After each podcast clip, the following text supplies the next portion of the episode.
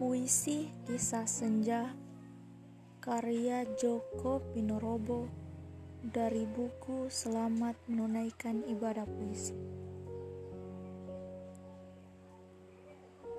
Telah sekian lama mengembara, lelaki itu akhirnya pulang ke rumah. Ia membuka pintu, melemparkan ransel, jaket, dan sepatu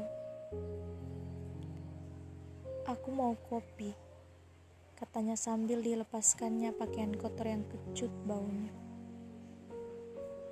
Istrinya masih asyik di depan cermin, menghabiskan bedak dan lipstik, menghabiskan sepi dan rindu. Aku mau piknik sebentar ke kuburan. Tolong jaga rumah ini baik-baik. Kemarin ada pencuri masuk mengambil buku harian dan surat-suratmu.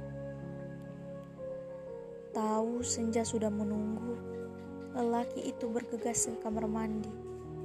Gebiar gebyur, bersiul-siul sendirian.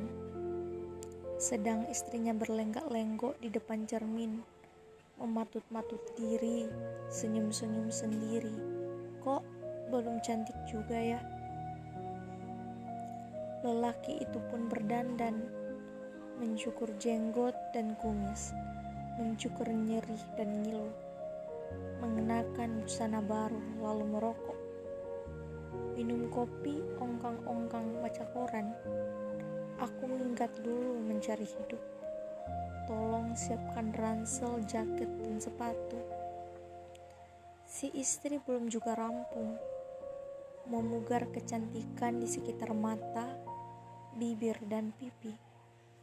Ia masih mojok di depan cermin, di depan halusinasi.